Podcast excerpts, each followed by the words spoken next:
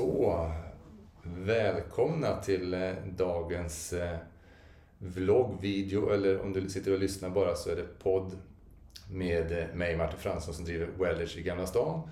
Och med mig idag så har jag Karl Rydberg, en kär vän som Finns på Kungsholmen. Finns på Kungsholmen, ja. Och färggrann som alltid. Det är så härligt. Ja. Ja, men det hör till för du börjar med lite färg. Ja, och det är det som kommer vara temat för ja, den här dryga timmen Ljus och färg ska vi prata om. Precis, ljus och färg. För det har du hållit på med större delen av ditt liv, yrkesverksamma liv. Ja, där började ljus och färg. Det ingick i min utbildning. Ja, det började mycket, mycket tidigt Martin. Min pappa ja. var konstnär. Så jag brukar säga att jag är född i en färgpyts. Att med måleri, färger men med färg och ljus. Mm. Det är på 70-talets slut som jag började med det. Ja. Jag gick i England utbildningar i ljusterapi. Det fanns ingenting i Sverige på den tiden. Nej. Eh, och då började ljusterapin komma igång. Sedan på 80-talet kommer den till Sverige. Det fanns en läkare som heter Rosenthal, en amerikan, Norman Rosenthal som upptäcker att vinterdepression är relaterat till ljusbrist. Ja. Vilket alla skandinaver visste sedan gammalt ju. Ja. Men eh, då fanns det liksom bevis på det. Och då sprider sig ljusterapin i mycket breda lager. Mm. Kom upp på Sankt Göran här i Stockholm. Professor Wetterberg höll på med det på den tiden. Han började 88, kom det till Sverige. Ja. Och spred sig. Så att ljusterapin som behandlingsform. Det är inte bara vinterdepressionerna, det är också idrottsträning, fitness, du har idag kontor, arbetsplatser. Vad har du för belysning? No. Så det började jag med då på slutet på 70-talet. Och sen har det på sedan dess. Vi bytte 80, 90, det är 40-45 år sedan. Mm, ja. Det är en Så lång, lång... Jag har hållit på med det. Ja, på hur man räknar. Ja, Men det, det, är väldigt spännande. Så jag har ju haft förmånen att haft hit dig nu har föredrag genom mm. åren och berättat mm. om färgerna och ljusets historia så som vi, det vi känner till historiskt sett om hur det har använts genom tiderna och din utveckling utav de olika utrustningarna. Så det vi kommer beröra det här på olika sätt under den här timmen.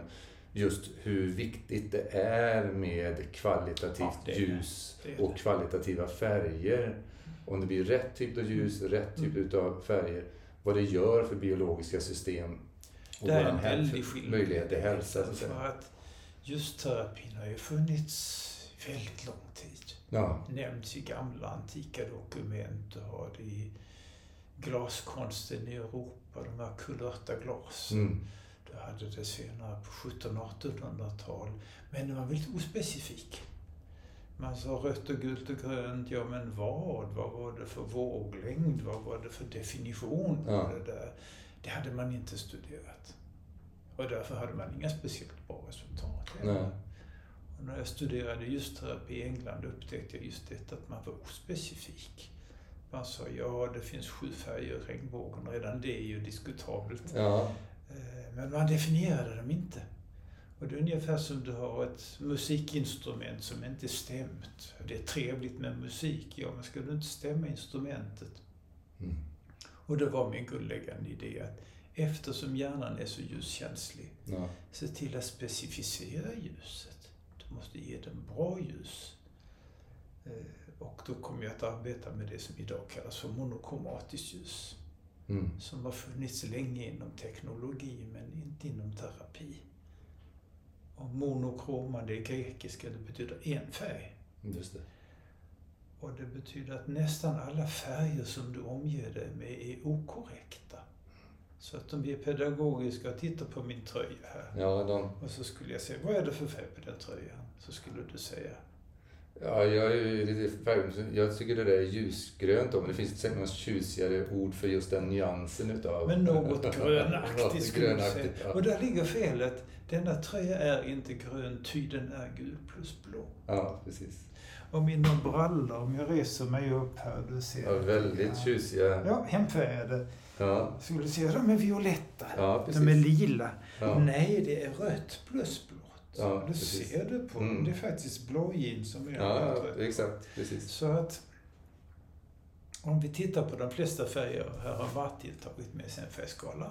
Ja. Så tittar vi på den här. Den gröna färgen i mitten här, det är en blandning av gult och blått. Den violetta här ute, lila, det är en blandning av rött och blått. Orange är en blandning av rött och gult. Turkos en blandning av... Det blir väldigt underligt. Ja. Det är ingen musiker skulle någonsin acceptera ett sånt instrument. Nej. Ett C och ett E blir inte det, det är en liten ters. Mm. Så att i vardagslivet omges vi med en massa, låt oss säga falska färger, ostämda färger. Och det blir som att spela på ett illa stämt instrument. Att, mm, det blir inte vackert. Nej. Och pratar vi terapi, det blir inga speciella resultat. För Nej. att du har inte specificerat medicinen om jag säger så. Vi tar ett lite fräckt steg och säger att just medicin, ja då måste du veta att dosera. Vad är det för färger i klienten? Just det. Och det är detta som är idén med det monokromatiska ljuset. Mm. Att grönt är grönt. Violett är violett. Mm. Turkos är turkos. Du serverar alltså hjärnan korrekt information. Och det bygger på den här idén att hjärnan är så ljuskänslig. Mm. Den använder ljuset som en slags programvara, en slags input. Ja, då måste du se till att du använder goda resultat. Ja. För anta detta, du har en fantastisk människohjärna, alldeles fantastiskt instrument. Och så har du ett riktigt dåligt program. Och datorn är ju inte bättre än sitt program. Exakt, precis. Och därför kom min idé efter att studerat ljusterapi i England, som hade slarviga färgdefinitioner. Ja. Det måste vara precisare. Och detta var sedan en lång resa via olika forskningar. Jag var inne i Sovjet och studerade det här. Att monokromatiskt ljus, som har en del trevliga egenskaper. Den första egenskapen är att det är väldigt vackert. Ja. Så att klienterna som får se det, speciellt om du arbetar med barn, Mm. som kan vara gnälliga, eh, de säger åh vad vackert, nej så fint. Människor som normalt inte skulle bry sig om det finner detta väldigt attraktivt. Ja. Det andra är att det liknar alltså laserljus, det är högprecist. Så precis som ett fint stämt instrument så är detta ljus väldigt väldefinierat. Mm. Och det har en del terapeutiska egenskaper som laserljuset också har. Mm. Och då kan man tala om modern färgterapi. Som tidigare inte har funnits. Tidigare har funnits slarvig färgterapi. Man tog lite, man var specificerade det inte. Nej. Och fick därmed inga speciellt goda resultat. Och det är en del av den där resan som nu är inne i ett nytt årtusende. Ja. Terapi ser helt annorlunda ut idag. Moderna människor vill se resultat. Du var väldigt banbrytande inom det här, eh, får man säga. Om man ser det i... Ja, jag är tränad i psykologi, vet du. Och i traditionell freudiansk psykologi så kunde patienterna gå i åratal i terapi. Mm. Flera år, flera dagar i veckan. Mm. Nu talar vi om enorma behandlingar. Moderna människor vill inte ha det. Nej. Och samma sak med ljusterapi. Den ska vara effektiv och trevlig och fungera. Mm. Liksom jag kan tänka modern kiropraktik, modern Mm. osteopati, modern massage. Ja. Man håller inte på på det sättet. Mm. Moderna människor har inte tid med evighetsbehandlingar. Och modern ljusterapi ska också vara sådan att kunderna direkt känner av resultat. Precis, resultat. Och det är ju hjärnan, förståelsen kring vår biologi och kring hjärnan som har det som drivit eh, Ja. både de verksamhetsområdena som jag jobbar inom men också ditt egna arbete. Vi vet mer Mm. Vi om... vet mycket mer om hur hjärnan fungerar idag. Och det betyder psykologi, terapi, pedagogik, Mm. undervisning, kommunikation ser helt annorlunda ut idag än den gjorde tidigare. Mm. Mm. Men det, det, finns det någon, alltså den utrustning som jag har här på Wellers, den är ju, har ju gått igenom en historisk utveckling så att säga. Jag kommer ihåg när jag Ja. ursprungligen kom till dig på ja, slutet av 90-talet, början av 2000-talet. Då var det en stor iglo Ja, som jag det jättestor, men ljuset var i grunden detsamma. Exakt, Det samma, ljus. samma maskin så att säga. Bara del olika sätt mycket, mycket stora projektorer och sedan krympte de vartefter och blev portabla. Så att den ljusmask du har den kan man checka in på flyget som handbagage. Ja, Medan de stora maskinerna kunde de inte göra det. Men grunden var att ha ett mycket väldefinierat, rent, precis och därmed vackert ljus. mm. För skönhet och precision är i grunden samma sak. ja. Och sen projicerade vi det i 3D, en slags virtual reality. Mm. Och det gjorde man på planetarier. Har du varit i ett planetarium, så inuti ett runt rum, en rund kula, har du inget perspektiv. Det finns inga mått, det finns avståndning, inget sätt att bedöma hur stort detta rum är. Mm. Så du får en floating, att ögat släpper taget. Ja. Och du bara svävar i ett rumsljus. Eh, detta har en tydlig terapeutisk effekt. Så att det först är att ljuset ska vara rent, men sen ska det projiceras antingen i goggles eller i sfärer eller i virtual reality så att du får den här känslan av att vara omsluten av ljuset. Mm. För att annars så tittar du på en färg, du tittar på någonting. Just det, ja. Men när du är inne i den, då händer det någonting ja. helt annorlunda. Och då själv upplevt det. Man är insluten i det. Ja. Då får man den där floating-effekten. Eh, och det där har varit en resa innan vi kom på att man kunde göra det där enkelt och behändigt och smått. Men det är sådana här tidiga synder. Ja, ja, ja, vill säga de här första maskinerna var alldeles för stora. Ja. Väldigt vackra, klumpiga, dyra, mm. alldeles för komplicerade. Mm. Men så var det med tidiga ångmaskiner. Många andra saker var alldeles för stora i början. Och hela elektroniken bygger på detta. Modern elektronik, är små, små, små saker. Mm. Mm. Ja, det är ju fantastiskt. Eh, det är ju precis en estetisk upplevelse att ta del av det högkvalitativa eh, ja, monokromatiska färgerna. Man sitter i den här under tio minuter och dricker in mm. det här mm, mm. fullt ut, så att säga, tar in det. Men sen är det ju då liksom de biologiska effekterna som det här de facto har. Du har ju haft förmånen att då jobba med det, men också dessutom då att du har haft eh, tillgång till väldigt mm. mycket bra forskning och de eh, därifrån det kommer, från Ungern och Ryssland, de har jobbat mycket med det här. Så, ja, det här var ju en lång historia. Vet ja, en väldigt spännande, att just cellernas respons. Laserljuset som är monokromatiskt mm. upptäcktes 1960 mm. av en man som heter Theodor Meiman i Kalifornien. Så kom det här superljuset hög precis, väldigt rent färgerna, mycket väldefinierat. Mm. Eh, och de första tio åren så var det ett tekniskt mirakel. Så att Einstein hade talat om detta ljus, men han levde aldrig att se det, för han dör 55. 60 kommer detta. Första tio åren är det teknikernas leksak. Man kunde skära metall, man kunde skicka strålar till månen. För på månen har man placerat speglar. Sedan ja, astronauter har sedan placerat speglar fram på 60-talet. Mm. Så att du kan skicka en stråle och den skickas tillbaka igen. Mätinstrument, du kan kalibrera, du kan definiera saker ner till nanometermått, pyttemått som ingen någonsin hade sett mm. förr. Och att ljus kan skära stål. Så att du har idag metallurg och vi ska borra ett hål på en tusendels millimeter. Det finns ju inga borrar som kan göra det. Eller en tandläkare säger nej, jag använder laser istället. Mm. Så detta tekniska verktyg levde ungefär i tio år innan biologerna vaknade. Och det hände i Ungern. En professor Endre Mester som var professor i biologi i Budapest. Han ställde sig frågan, det här superljuset, laserljuset, har det någon biologisk effekt? Ja. Mm -hmm. Och så började han göra experiment nummer råttor, laboratorieråttor. Som rakade huden av dem och så brände man dem och man skar dem och man bröt benen på dem. Och plågade dem på alla sätt som god forskning ju gör. mm. Men bortsett från den moraliska sidan som är hemsk, så får det inte mm. se ut. Så fann han att brännsår, skärskår, fraktursår, hudsår, ledskador på de här stackars djuren som nu belystes med laser. Han mm. skadade mm. dem illa, han belyste dem med laser. Diffuserad laser, alltså inte mm. fokuserad. Såren läkte upp. Fantastiska läkeffekter. Pälsen växte tillbaka. Djuren levde länge, de var friskare. Och när han sedan obducerar och tittar in i hjärnan på dem, eller dissekerar heter det nog obduktion är människor, ja, ja. dissektion.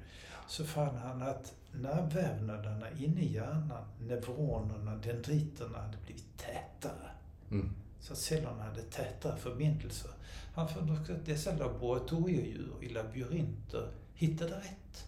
Ja. De blev på ren svenska intelligentare av det här ljuset. Det satte fart på deras hjärnor. Mm. Och än idag i Budapest, på Mesta, så hans son Adam mm. Mester lever kvar än idag. Enremstre död. Har man får svåra, svåra brännskador. Belysning med laserljus. Ja. Ty belyser du djurhud, människohud med laserljus så bildas det nytt DNA. Bildas ny hud. Ja. Brillans frisk och fin hud. Och det upptäckte ju kosmetologerna sedan. Just det. det är kosmetik, skönhetsbehandlingar, ärr, vårtor, ta bort sarkom. Mm. Ärrfri vävnad, slät fin hy kommer. Och nu kommer det här tekniska ljuset flyttar nu in i terapivärlden, flyttar ja. nu in i den medicinska världen så att säga. Veterinärmedicinen, kosmetologin, idrottsmedicinen, infraröda laser, att belysa streckskador, slagskador, idrottsskador. Så att hela ljusterapin växte och växte.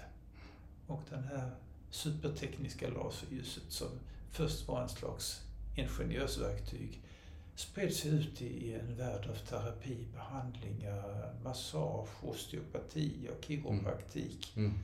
som ingen hade kunnat tänka sig. Nej. Och det är detta som är så spännande Martin. Vi är de första lasermänniskorna. Ja. Vi har aldrig funnits innan. Nej. Och det man finner i en laserbehandling, och du har ju också arbetat ja, med och sett resultat med dina patienter, är att det är ett antal steg. Han hade ställt sig frågan först i Budapest, mm. men sedan i Moskva, även i Östtyskland. Det var öststaterna som höll på med detta. Ja. Väststaterna tog antibiotika, medan öststaterna ja, ja. höll på med ljusterapi att det fanns en forskare i Moskva som hette Tina Karo. Just det. det var i Sovjetunionen, men mm. Tina hon var estniska. Det mm. låter ju lång väg. Hon var estnisk professor, professor i Vetenskapsakademin i Moskva. Hon hade gjort biologiska försök med laserljus på 80-talet, 90-talet. Hon håller på än idag.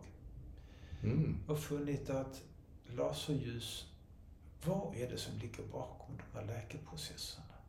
hud läks, frakturer läks, cellvävnader repareras. Fantastiska saker.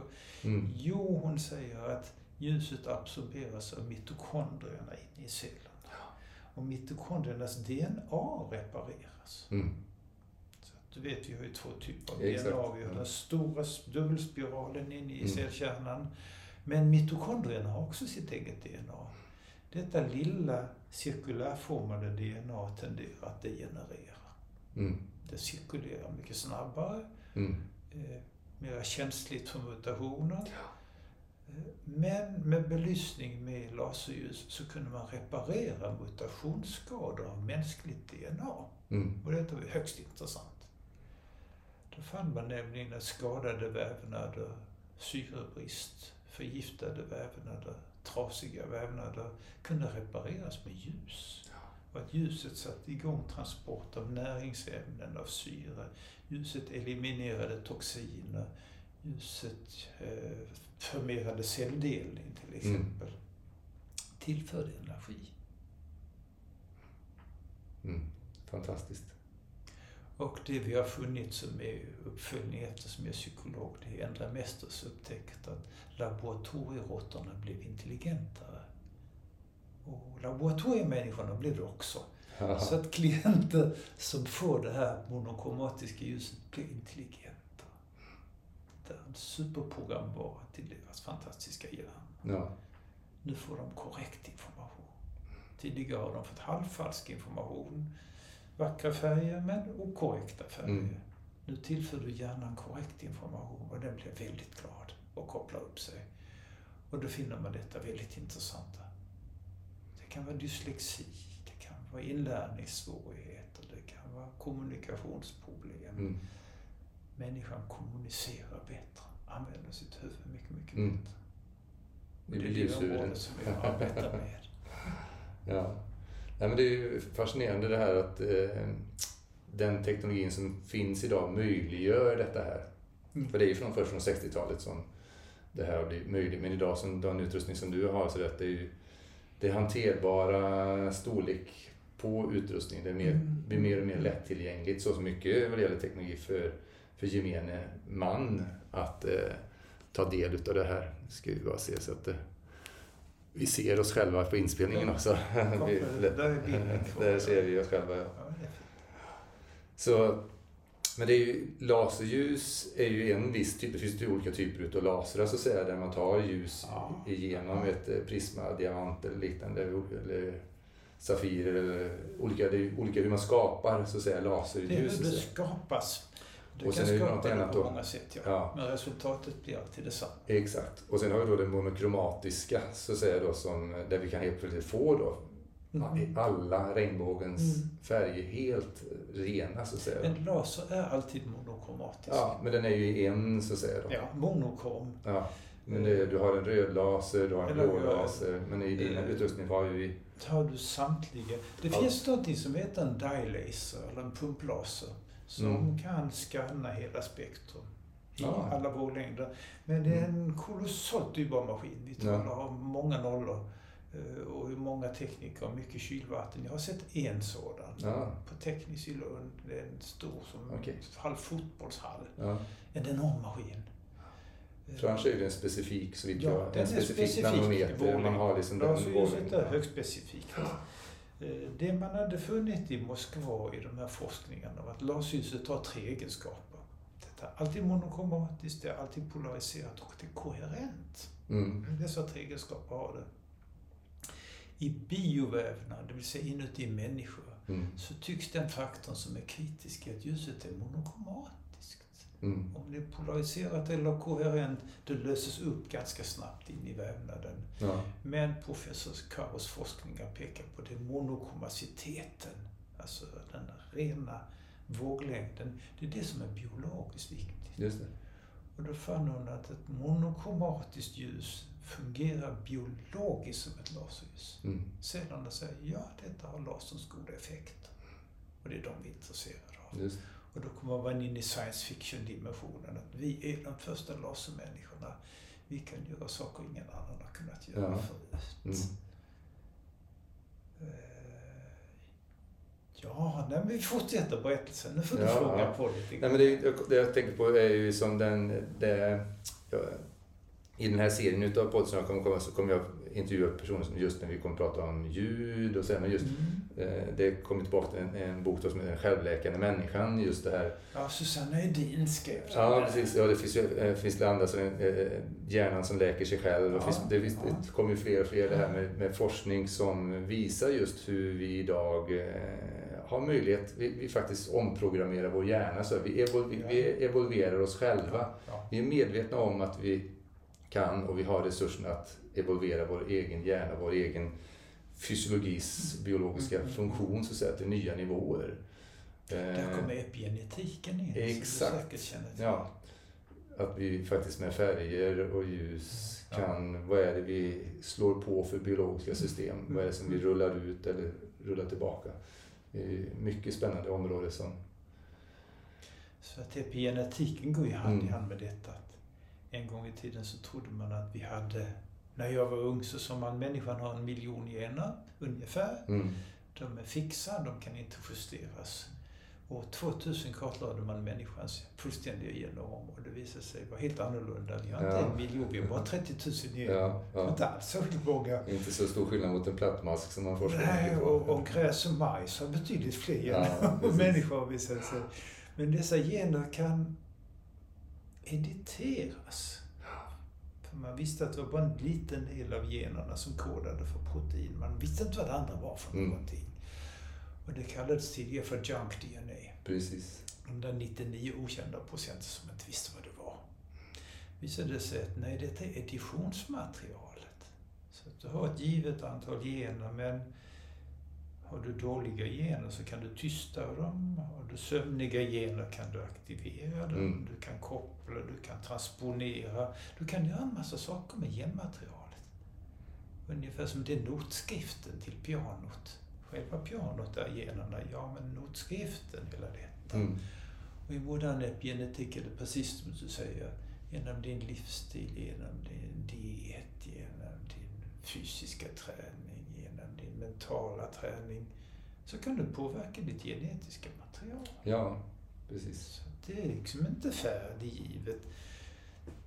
Epigenetiken föddes ju cirka 2010 så att det är som Linda, det är mycket, mycket som eh, kommer och det är mycket forskning de senaste decennierna som eh, ligger i olika fält som väldigt få liksom syntetiserar och mm. tar ett metaperspektiv och sammanfattar. Och Just det, denna tid. I Ryssland finns det spännande när man tittar med DNA, med spooky-DNA eller spök-DNA, där man med hur just kopplat till ljus, där man kan ta DNA i, i en lösning och sen så plockar man bort och så exponerar man det för ljus och sen så skap, återskapas DNA för informationen ja. ligger lagrad. Men ljuset fungerar som en Ljus är en eh, informationsbärare. Exakt. Visst vi kan förstå. Ja. Du vet ju med hologram och så, men vi, det, vi, vi är inne på en, en en helt ny språngbräda för vad Och detta är 2000-talsteknik. Mm. Inom människoögat visste man tidigare att i näthinnan så har vi två sorters synceller, tappar och stavar. Ja. Så lärde man. 2002 så upptäcker man att det finns en tredje receptor. Just det. Som man inte visste om. Så att äldre läkare inte hört ett ord om detta. 2002, det är gangliecellerna. Utöver tapparstavar finns det en tredje receptortyp som är mycket äldre. Mm. Den reagerar på den allmänna ljusnivån. Den ser inte saker, men den läser av när det är eftermiddag, mm. en höstkväll, det är vårmorgon och så justerar den hjärnans hormonnivåer mm. med utgångspunkt mm. 2002. 2010, 12 ungefär föds epigenetik. Ja. Ungefär inom astronomin upptäcker man Higgspartikeln. Just det. En massa nya saker har fötts just nu precis just nu föds det nya idéer. Och det är ett nytt millennium och det är alltså i science fiction-aspekten här. Att mm. Nu kan vi göra helt nya saker vi aldrig kunnat göra förut. Nej. Nej, det är väldigt spännande. Vi kommer tillbaka till den där, när vi pratade lite grann här innan den här inspelningen just om, för du har ju skrivit en bok som kom ut 2007 eh, Ja, så heter den på svenska. Ljusterapi och färgdesign på svenska. Den finns även på engelska. Vad heter den på engelska? Den kom ut, ut i olika editioner. Ja, precis. En heter Living Light, minns jag, som kom ut. Den här sammanfattar ju på ett väldigt fint eh, sätt om ja, ljus och färger från det estetiska ja, inredningsperspektivet mm. och också från om vi ser läkeeffekterna. Så där, de och du är ju väldigt duktig på att brygga båda bitarna, alltså estetiken, det kvalitativa tillsammans med... Eh, Skönhet och hälsa är förmodligen aspekter av samma sak. Exakt. Men det finner man genom sant. historien att eh, högkulturer har intresserat sig för skönhet. Mm. Primitiva kulturer har intresserat sig för krig. De heter högkulturer hälsa, skönhet. Mm olika former av kultur var viktiga. Eh, så att synonymt, då talar vi hälsa, att den friska kroppen är vacker. Mm. Det goda äpplet är vackert. Ingen går och köper ett ruttet äpple. Nej. Av, eh, det, så här, det vet man, det rutna äpplet är sjukt. Ja. Men det fina, vackra äpplet, det är nyttigt och gott. Mm. Och därför kan du ofta säga samma sak där. Ditt liv du omger dig med måste vara vackert. Ja, Precis. Och vi ska komma in på det här med just färger och färgers olika effekter, alltså den här gamla färgläran där man har med olika idéer om färger. Ja. Men jag tänkte, vi, vi kommer dit ja. här, för jag tänkte komma tillbaka till det du nämnde just med att, för det berör ju eh, just att om man går tillbaka så fanns det ju olika ljusbarer och man satt i, i så att säga vitt ljus mm. för diverse olika att få hjälp med psoriasis eller bara för om man har seasonal affective disorder eller sådär. Man är ja, ja. the blues på att man får lite låg energi, lite deppig på vinterhalvåret. Vi spelar ju in det här nu 2 november 2021. Men det är att man känner som att åh, jag har inte riktigt samma energi och ork med vinterhalvåret. Och så sätter man sig då i ett ljusrum ja, som var väldigt populärt då. Men då berättar du att här har vi kommit till nya insikter då de senaste decennierna. det är historia bakom detta. Och det är Norman Rosenthal som vi ja. nämnde. Han upptäckte 84 skrev han sin bok om detta, om seasonal affective disorder. Mm. Därför att Norman hade varit född i Sydafrika. Hans föräldrar var knutna till missionsrörelser om jag inte minns fel. Men allt nog pojken var född i Sydafrika. Ja. Föräldrarna flyttade hem till eh, New York State ungefär. Och vintrarna där var mörka och kalla. Och han blev sjuk trött varenda vinter, mådde mm. dåligt och ingen medicinering hjälpte och han fattade inte vad det var.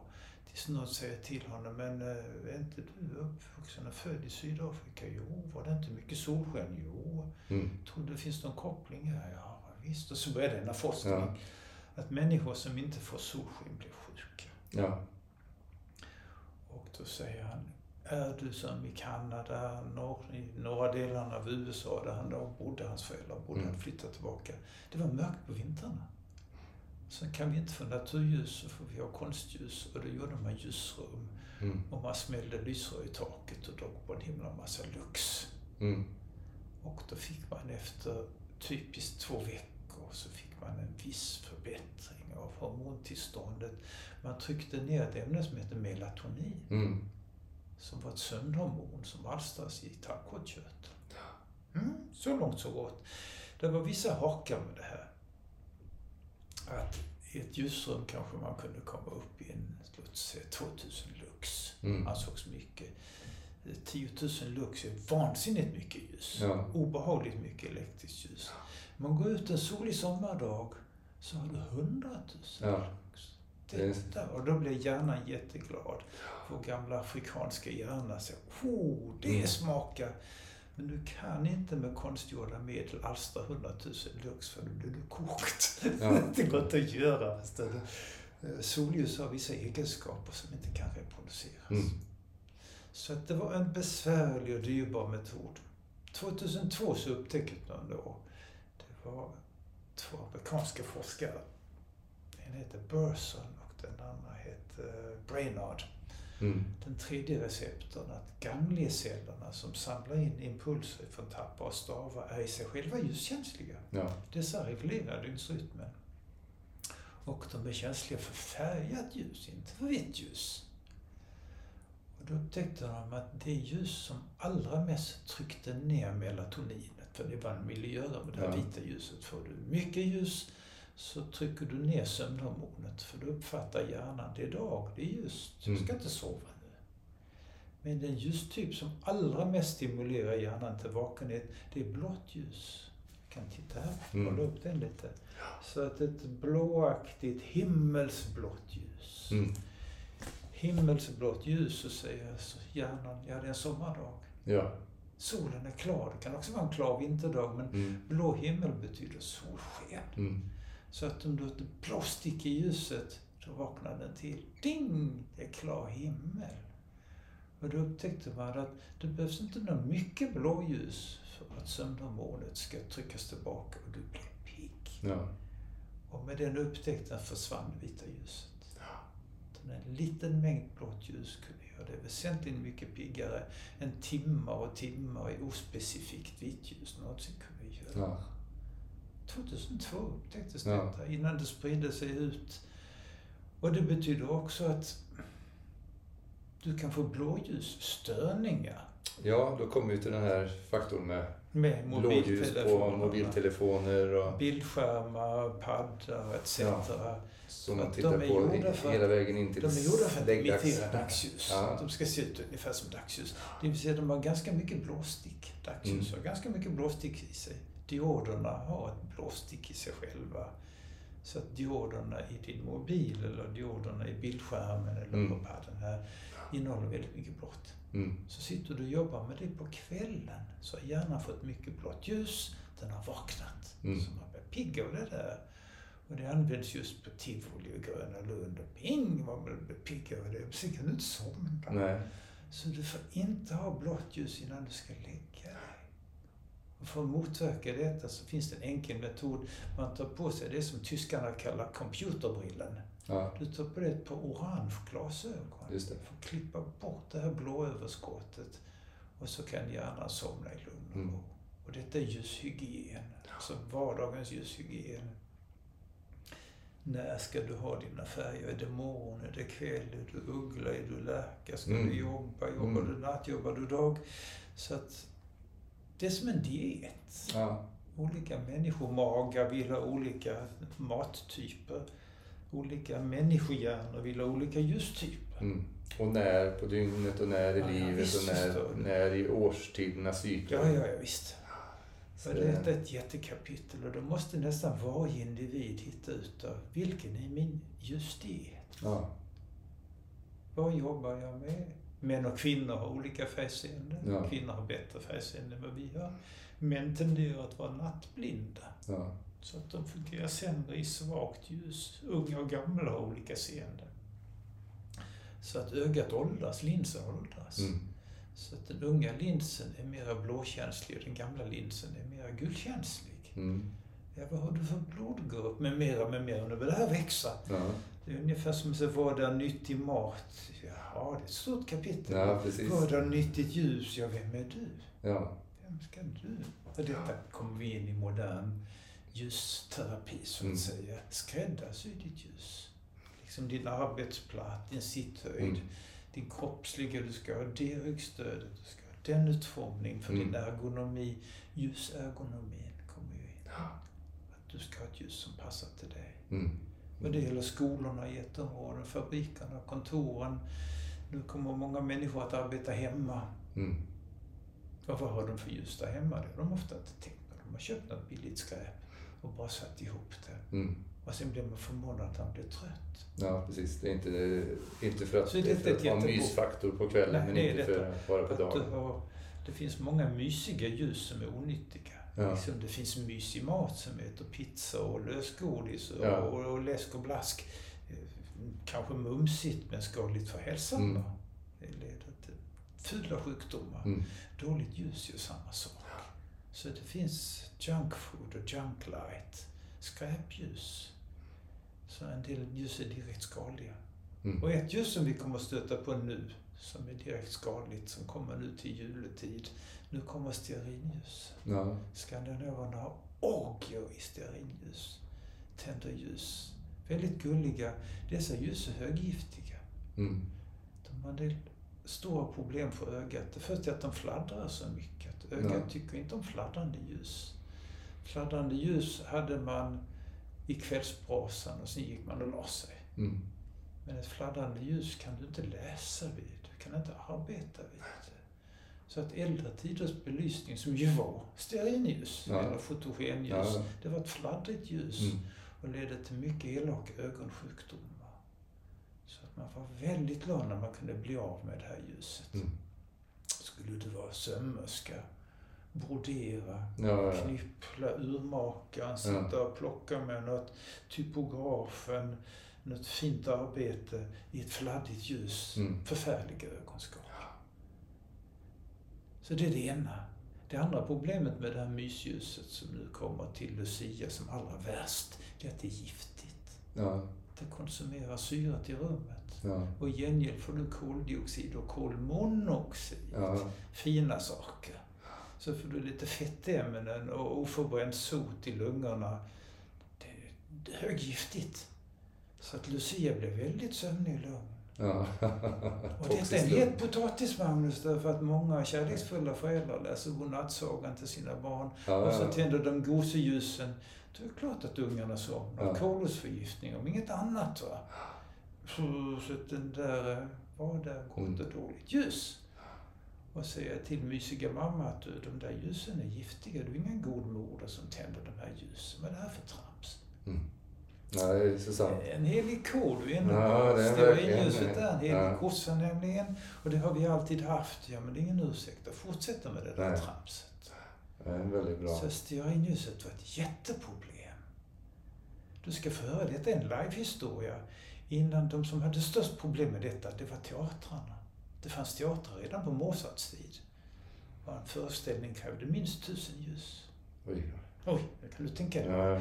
Och så att en del av skådespelarna var också det man kallar snuffers på engelska. De sprang runt och man fick trimma ljusen och tända och byta mm. och, och, droppa. Eh, tusen ljus innebar att luften var förstörd. Ja, så att primadonnan och publiken hade huvudvärk mm. av kolosförgiftning. Och när de första elektriska ljusen kom var fantastisk revolution. Mm. Att undvik, ni som kommer att lyssna på den här, undvik stearinljus. Ja. På restauranger, be att de släcker det där. Ha det inte på ditt bord. Ha inte en massa levande ljus. Kanske någon på tårtan någon gång och så blås ut det fort ja. och så gör må hon leva. Men att vara försiktig. håll inte på med det primitiva, giftiga, farliga ljuset. Det skulle ha övergivits för länge sedan. Ja. Så det där finner du. Oh, det är så mysigt. Ja, det är så kul med lösgodis. Nej, mm. det är inte det. Va? Så att, mm. Det är en väldigt bra insikt. Så, för jag tror att medvetenheten om det tror jag är väldigt eh, låg. Ja, tror jag säger med. Precis som att, nu sakta men säkert ökar ju det med det om blåa ljuset på mobiltelefoner så att det kommer mer och mer det om det. Det var ett annat skräpljus med det flimrande ljuset. Bildskärmar flimrar. Just det, ja, just Många det. dioder flimrar. Mm. Och det här flimmerljuset, om det flimrar i fel frekvenser så får du migrän av det. Mm. Epileptiker är väldigt illa där. Ja. Vissa flimmerljus, strobiska ljus. För att det flimrande ljuset finns inte i naturen. Mm. Och det närmaste du kommer just de här flimrande ljusflammorna, den levande elden. Klart ohälsosamt ljus. Mm. Mm. Solljus är stabilt, det flimrar inte. Men många lampor gick på 50-60 hertz. Mm. De pulsade, ja, du dimmade med mm. pulsningar. Och detta är ljushygien. Mm. Vad är nyttigt ljus? Ja. Vad är onyttigt ljus? Som ett stort och långt kapitel. Ja, precis. Ja, precis. Vad, vad, är, vad är det för hertztal på lampan och vad, vad får det ja, för effekt? Vi brukar resonera så här. Gärna. Att ditt vardagsljus, hemmet, fabriken, skolan, kontoret, kliniken där du jobbar. Mm. Det är som smör och bröd. Ja. Det ska vara basic. Sen ibland så toppar du på med lite vitaminer så tar du superljus. Mm. Går du till ljusterapeuten så får du monokromt ljus, du får kanske något laserljus, du får något polariserat ljus, något Mm. superljus.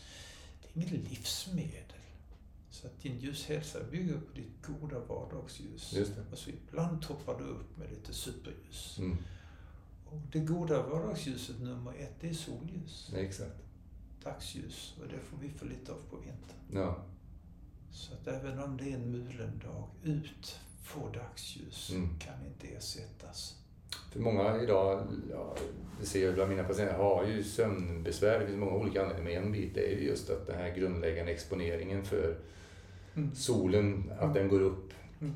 Jag menar, vid ekvatorn så går solen upp kring sex och den går ner kring sex och, Ja, och hela det vår cirkadianska rytm det och ligger hormoncykel. mycket mer i detta att allting var inte gott och väl i den vilda världen. Nej, men- ljuset var det. Ja, Att lever du i en naturlig ljusrytm så får du mycket dagsljus. Du är Mm. ute mycket. och du blir exponerad vid de tider på dygnet där det Kraftigt solljus. Men sen på natten är det mörkt. Mm. Och så är det riktigt mörkt. Och den här dynamiken mellan 100 000 lux på dagen Mm. och så är det inte många lux på natten. Nej. Det är riktigt mörkt.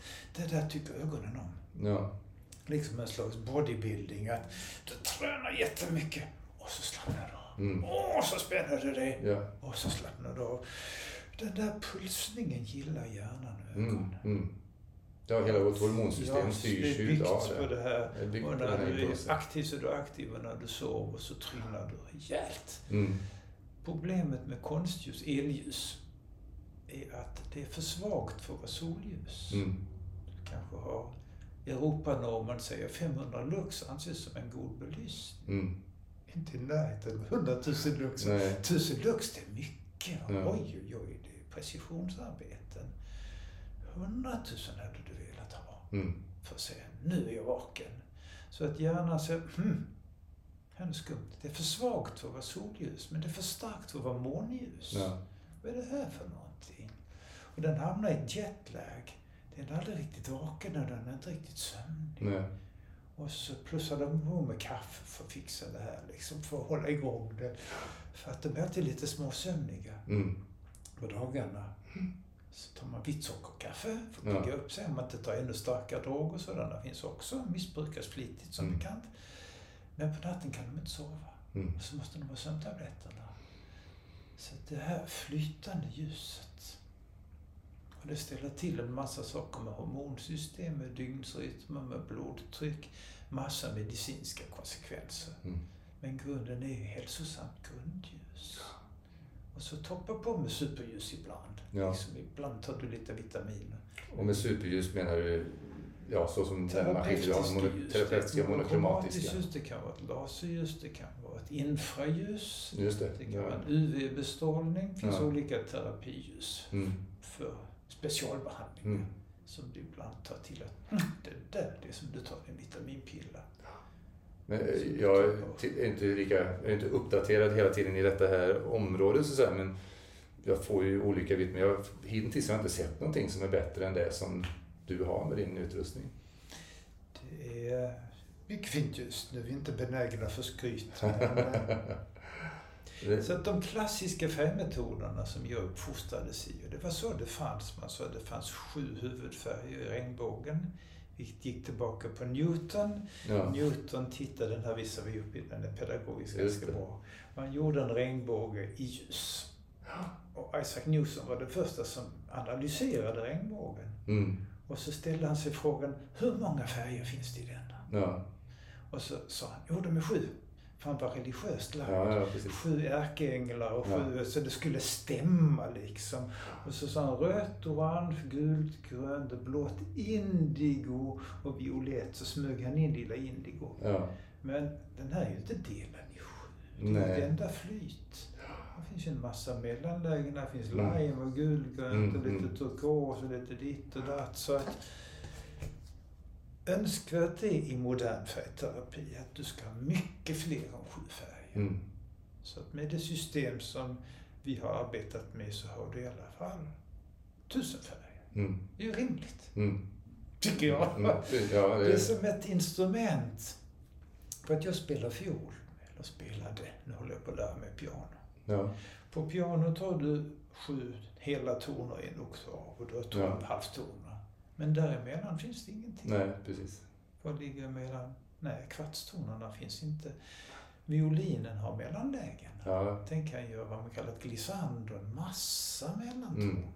Så när vi talar färgterapi så kan det vara så att klienten sen, nej, nej, jag söker en färg. Mm. Och så letar hon och hittar, där den var inte en gulgrönaktig med en liten dragning åt. Ja, den fanns inte i det här sjuttonsystemet.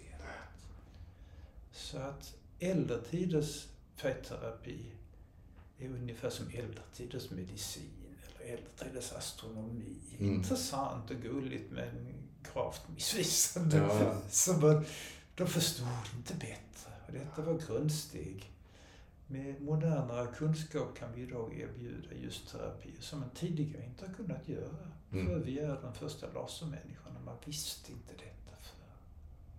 Det är nu. Och det får väldigt intressanta konsekvenser. Mm.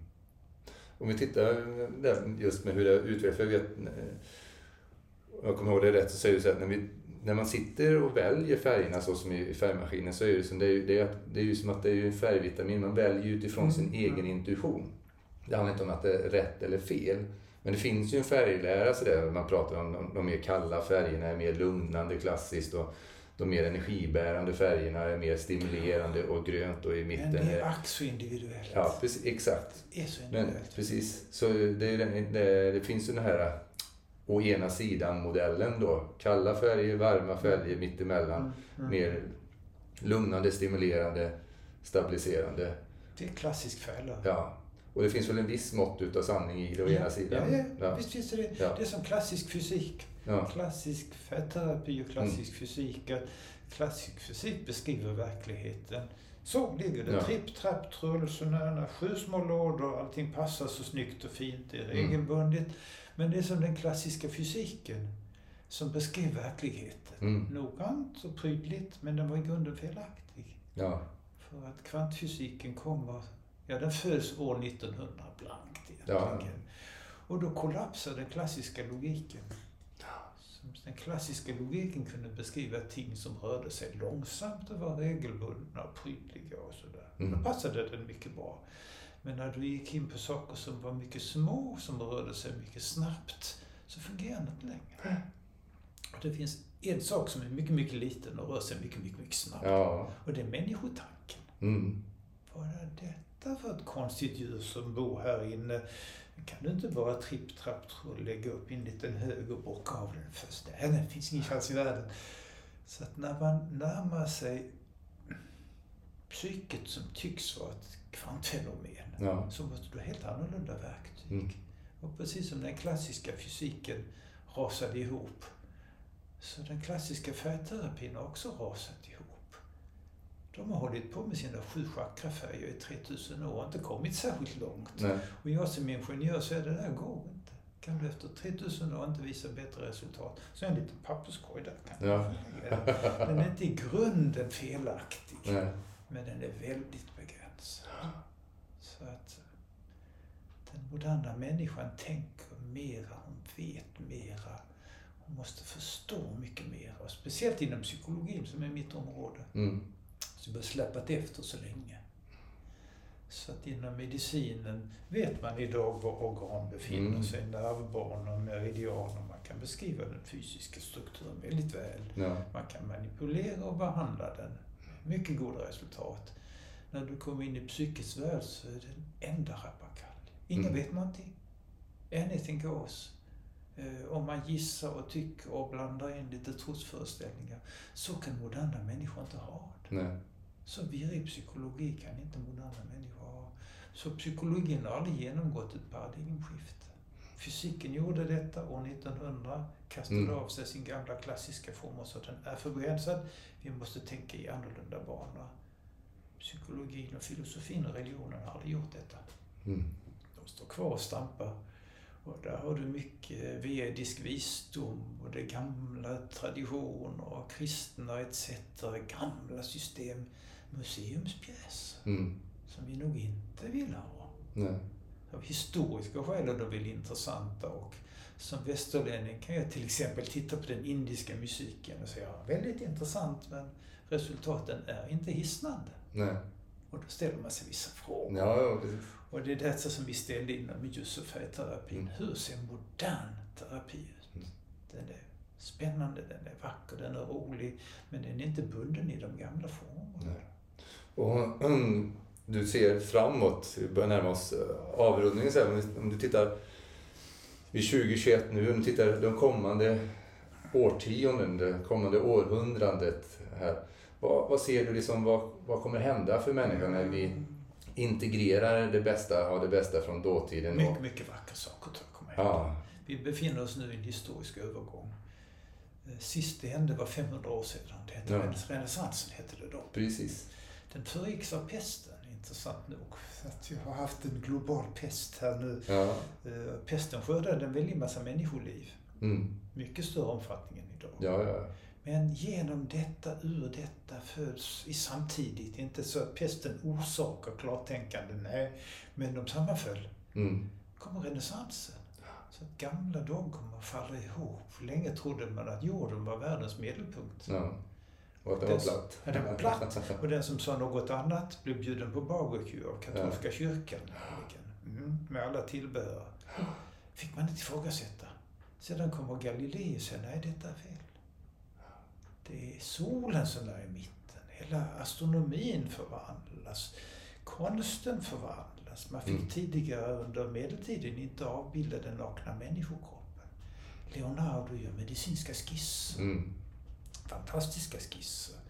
Tekniska uppfinningar, perspektivet återupptäcks, mm. måleri, färger, eh, teleskop, mikroskop. Mm. Hela den jätteförvandling som vi fortfarande är en del utav.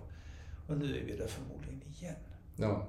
Det kommer en pest och så kommer det en på nytt födelse av idéer. För de gamla idéerna är för små, de räcker inte. Och det ser du inom terapi, du ja. ser det inom medicin, mm. du ser det inom pedagogik, du ser det inom rättsväsende, du ser det inom klimat. Ja.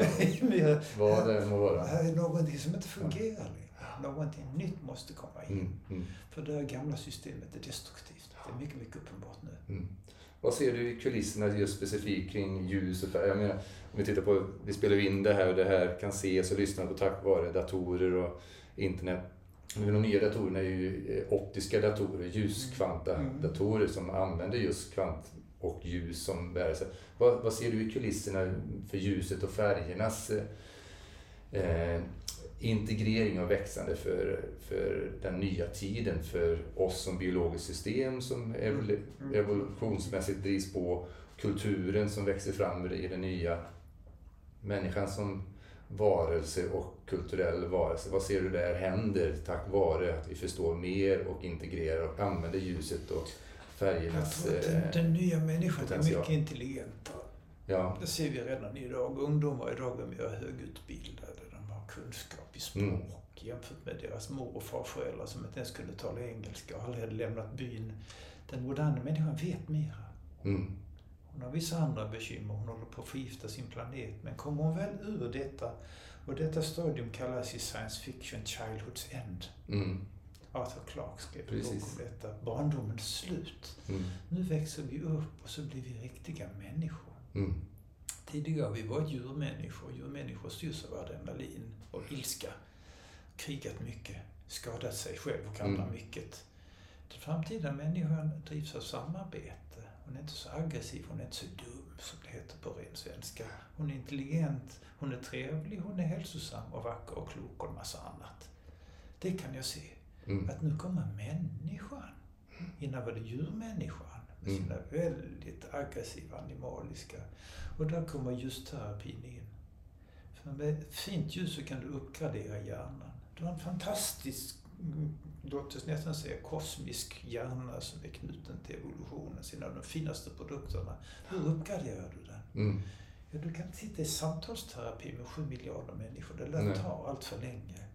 Det är ett snabbt sätt att snabbt ge information till väldigt många människor att uppgradera skulle man säga. Ja, det nya Miljarder människor idag kan förmodligen, nästa steg att göra det med datalänkar, koppla upp att stora mängder människor kan få ljusterapi, koppla upp sina hjärnor, bli intelligenta. Och detta får ju konsekvenser mm. naturligtvis. Mm. Eh, så att jag kan tänka mig en mycket, mycket vacker framtid. Sen är vi ju inte ensamma här i galaxen. Detta är ju en stor plats. Det finns ju möjligheter till besökare också. Exakt. Som säger, åh vad trevligt, människorna har vuxit upp. När kan vi börja umgås med dem? Ja. För att hittills har vi ju varit små grisar. Fear-driven, som man säger. Ja, visst. Rädsla som driver. Rädsla och ilska har drivit ja, det gamla paradigmet. Medan det nya handlar om skönhet. Och det gäller inte bara färg, det gäller mycket annat. Det gäller också kroppsbehandlingen och mm. musiken, en massa andra behandlingar. Mm. Det vackra, det goda, det sanna. Men det som är intressant med ljusterapin är att den går så fort. Mm. Och det har du också sett. Bara på några minuter så kan få en människa att komma ut ur sorg och depression och stresstillstånd och börja skratta och sjunga. Det behövdes inte mer. Nej, det är fantastiskt. Tio minuters eh, session minuter för en vuxen. Och tre, sju minuter beroende på och då kan yngre. man nå stora människogrupper. Mm. Eh, och man vet att mental hälsa är kopplad till kroppslig hälsa. Så mm. att detta är ett sätt att uppgradera människor. Mm. Mm. För med din utrustning så är det ju 10 minuters sessioner som man sitter där man själv får välja ja. Ja. färgerna. Så där. Och du vet inte om det har ändrat men tidigare var det att ungefär en gång i månaden, oberoende om ja. det är sommar eller vinter, så är det liksom rekommendabelt. Fyll på ungefär en gång i månaden. Nej. Vissa gör det oftare. Jag sitter varje vecka. Ja, vissa gör det. De som har det hemma, de som har det tar det oftare. Ja. Vissa akuta tillstånd säger nej, jag måste fylla på detta regelbundet. Liksom mm. det är vissa kroniska, tunga sjukdomar måste mm. ha nästan daglig medicinering. Mm. Den friska vardagsmänniskan, det räcker med någon gång i månaden. Och det är ungefär som med det friska solskenet. Man vet att det räcker med 20 minuter så har du full D-vitamindos. Ja. Så fyller du på det då och då och mm. solar lite grann. Så det behövs inte så hemskt mycket. Mm. Mm. Nej, det är rätt spännande. Jag är oerhört tacksam att du, du har tagit dig tiden att sitta ja, här och berätta. Tack för att du fick bjuda in ja, här. Vi, visst är vi trevliga människor? Ja, om man nu får skryta lite. Tackar Martin för att han ordnade det här ja. så fint. Tycker... Jo, Martin gör en väldig massa fina saker. Ska vi också göra ett program om allt vad Martin gör. Ja, det kommer. Alla hans spännande projekt. Jag är otroligt tacksam att jag har den här utrustningen och kan ha den både för mina klienter, att de kan eh, få sitta och ta del av det i programmen och jag själv använder det sådana bitar. Du jobbar ju inte själv eh, terapeutiskt kliniskt längre, men du forskar ju och utvecklar och du är fortfarande aktiv. Ja, det har vuxit så mycket. Ja. Spridit sig runt om i världen. Ja. det är viktigt att det kommer till andra terapeuter och de behöver handledning, de behöver material, de behöver mm. sina projektorer. Så att sitta ett lätt, det hinner jag inte med längre. Nej. Men för de som eh, lyssnar eller tittar på det här som själva är terapeuter eller i ett sammanhang där ja, det kan ju vara ett spa, hotell eller ja, liknande. Ja. Du, du, dina maskiner finns ju lite överallt i hela världen. De håller på att sprida sig mer och mer. Ja, i olika sammanhang. Så hur får man tag på dig? Hur finner man information om dig? Man söker på monokrom. Ja. Och den stavningen som ja, du kan hålla nu ska vi se. nära där så ser se du det här. här framför. Det är fortfarande... Där ser man har den riktigt nära så ser du monokrom med den felstavningen. Just. Och där hittar man mig då. Monokrom.se. .se. Ja. Så det... Det räcker med att slå monokrom för så kommer Ja, det är i stort sett bara du som... Ja, det finns någon lasertillverkare i uh, Tennessee någonstans som har samma stavning. Ja. Eh, som är yngre, de har funnits efter mig. Uh, men då hittar man det namnet. Mm. Ja. ja. Stort tack. Är det någonting ja, du, mer du skulle vilja addera som det sista? Annars får vi göra en ny blogg. Det kan ju ja, hända. Det tar vi nästa vända. Kommer det frågor, det finns intresse utav det här, ja. så kan man ju göra någon Precis. form av ja. webbinar och bygga vidare. Exakt. Ja, vad som kan vara spännande, det finns ju andra sådana här ljusterapeutiker. Det finns något som heter International Light Association. Det finns det. i Australien, det finns i Skandinavien, det mm. finns i USA och Tyskland, runt om i världen. Mm. De har webinars om ljushälsa. Just om vardagshälsa, ljus, om terapeutiska behandlingar av ljus. Mm. Så det finns ute på nätet väldigt mycket. Och den officiella benämningen på det här heter photobiology, ljusbiologi. Mm. Mm. Och det är djur, människor, celler, växter, hur reagerar de på ljus? Ja. Varför är ljus livsviktigt? Så detta är bara en liten gren på ett mycket, mycket större träd som heter ljus och liv. Mm. Ljus är liv, utan ljus inget liv. Exakt. Mm. Och det är grunden i det. Mm. Ja, stort tack. Och du som tittar eller lyssnar på det här, skriv gärna kommentarer i kommentarsfältet där du ser det i Youtube eller i podden. Mm. Så eh, kan vi följa upp med ytterligare information eller bjuda in Karl igen på en mer mm. fördjupning inom något om, specifikt område där.